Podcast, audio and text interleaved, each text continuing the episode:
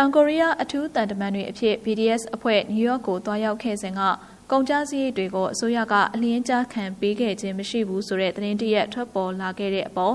တောင်ကိုရီးယားအစိုးရကပြန်လည်ဖြေရှင်းထားပါတယ်။သမရမွန်ဂျေအင်းနဲ့အတူသွားခဲ့တဲ့နယူးယောက်ခီးစဉ်အတွင်းခရီးစရိတ်နေစရိတ်စားစရိတ်အပါအဝင် BDS အဖွဲ့ရဲ့ကုန်ကျစရိတ်တွေကိုအစိုးရကလုံးဝထုတ်မပေးခဲ့ဘူးလို့စက်တဘာ30ရက်နေ့ကသတင်းတရက်ကဆိုပါတယ်။ BDS အဖွဲ့ဟာသမရရဲ့အထူးတန်တမန်တွေအဖြစ်၃ရက်ကြာခရီးသွားရောက်ခဲ့ပေမဲ့လည်းဘာထောက်ပံ့ခြင်းမှမရခဲ့ဘူးလို့အဆိုပါသတင်းကဖော်ပြခဲ့ပါတယ်။ဒီသတင်းနဲ့ပတ်သက်လို့တောင်ကိုရီးယားယဉ်ကျေးမှုအားကစားနဲ့ခရီးသွားလုပ်ငန်းဝင်ကြီးဌာနကသတင်းရင်းမြစ်တို့က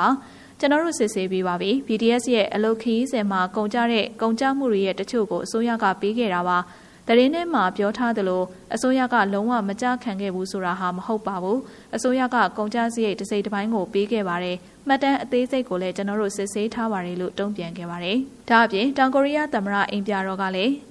အစိုးရနဲ့ BDS agency တို့အကြားကုန်ကျစရိတ်တစ်စိတ်တစ်ပိုင်းကိုပေးမယ်လို့ကြိုသဘောတူထားပြီးဖြစ်ပါတယ်။ BDS ရဲ့တန်တမန်အဖြစ်ဆောင်ရွက်ပေးခဲ့မှုတွေကိုအိမ်ပြတော်ကကျေးဇူးလဲတင်ပါတယ်လို့ထုတ်ပြန်ခဲ့ပါတယ်။ နိုင်ငံတကာအထိပါရှမ်းရှမ်းတောက်အောင်မြင်နေတဲ့ BDS အဖွဲ့ဟာစက်တဘာ20ရက်နေ့က86ကြိမ်မြောက်ကုလသမဂ္ဂထွေထွေညီလာခံအစည်းအဝေးရဲ့ Sustainable Development Goals အစည်းအဝေးကိုတက်ရောက်မေကွန်းပြောခွင့်ရခဲ့ပြီးလူငယ်တွေအတွက်အားပေးစကားတွေပြောကြားသွားခဲ့တာပါအခမ်းအနားမှာတောင်ကိုရီးယားသမ္မတမွန်ဂျေအင်းလည်းအဖွင့်အမှာစကားတက်ရောက်ပြောကြားခဲ့ပါတယ်။